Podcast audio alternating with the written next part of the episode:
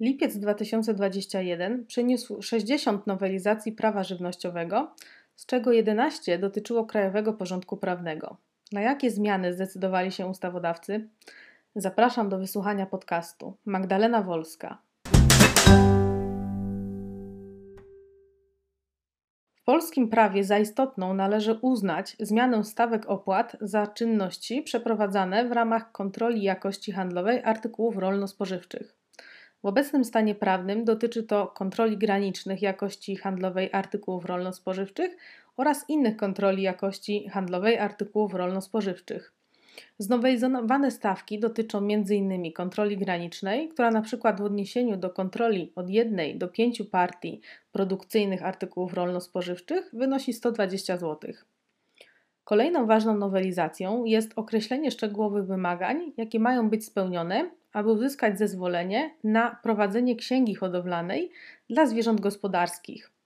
Podmiot ubiegający się o zezwolenie jest zobowiązany do m.in. zapewnienia prowadzenia księgi w postaci papierowej książki lub kartoteki albo na informatycznym nośniku danych oraz zabezpieczenia i ochrony danych zawartych w księdze.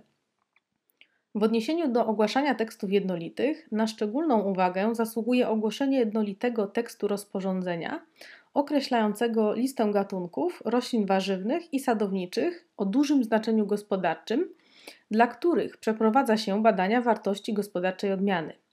W odniesieniu do roślin warzywnych zawiera on takie rośliny jak przykład bób, papryka, pomidor, por i sałata, a w odniesieniu do roślin sadowniczych m.in. gruszę, czereśnię, wiśnię, truskawkę oraz śliwę domową. Oprócz tego ogłoszono tekst jednolity ustawy o ochronie gruntów rolnych i leśnych. Ustawa reguluje zasady ochrony gruntów rolnych i leśnych oraz rekultywacji i poprawiania wartości użytkowej gruntów.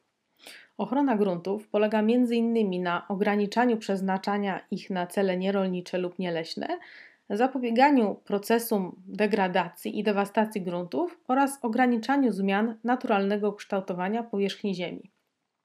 Natomiast przechodząc do prawa unijnego, jak co miesiąc zaktualizowano obszary zagrożone i zapowietrzone w odniesieniu do wysoce zjadliwej grypy ptaków oraz afrykańskiego pomoru świń. Nowe ogniska tych chorób pojawiły się przede wszystkim w Niemczech i na Słowacji, ale także w Polsce. Na gruncie uchwalenia rozporządzenia 2019 łamane na 787 w sprawie definicji, opisu, prezentacji i etykietowania napojów spirytusowych, stosowania nazw napojów spirytusowych w prezentacji i etykietowaniu innych środków spożywczych, ochrony oznaczeń geograficznych napojów spirytusowych, wykorzystywania alkoholu etylowego i destylatów pochodzenia rolniczego w napojach alkoholowych, uchwalono szereg przepisów doprecyzowujących postanowienia tego aktu. Dotyczą one w szczególności wniosków o rejestrację, wycofania wniosku, stosowania symboli oraz zmiany wniosku, ale także etykietowania napojów spirytusowych poddanych kupażowaniu.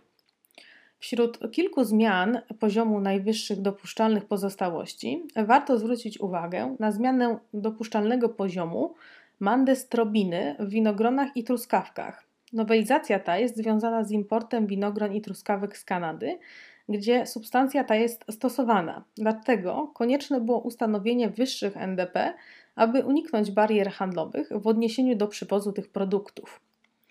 W przypadku produkcji ekologicznej pojawiły się dwa istotne akty prawne. Pierwszy z nich to rozporządzenie 2021 łamane na 1189 określające warunki wprowadzania do obrotu materiału rozmnożeniowego roślin, ekologicznego materiału heterogenicznego, określonych rodzajów lub gatunków, czyli materiału siewnego gatunków roślin rolniczych i warzyw i materiału rozmnożeniowego warzyw. Natomiast drugie rozporządzenie to rozporządzenie 2021 łamane na 1165 zezwalające na stosowanie niektórych produktów i substancji w produkcji ekologicznej oraz ustanawiające ich wykazy. Dziękuję bardzo za uwagę i przypominam, że podcast dostępny jest także na największych platformach streamingowych, takich jak na przykład Spotify, Apple Podcast oraz Google Podcast. Zapraszamy do śledzenia i obserwowania naszego kanału. A jeśli potrzebujesz więcej szczegółów, zapoznaj się z pełnym przeglądem zmian w prawie żywnościowym, gdzie każda nowelizacja została opatrzona krótkim komentarzem oraz linkiem do zmienionego aktu prawnego, co znacząco ułatwia poruszanie się między poszczególnymi przepisami. Pozdrawiam i do usłyszenia, Magdalena Wolska.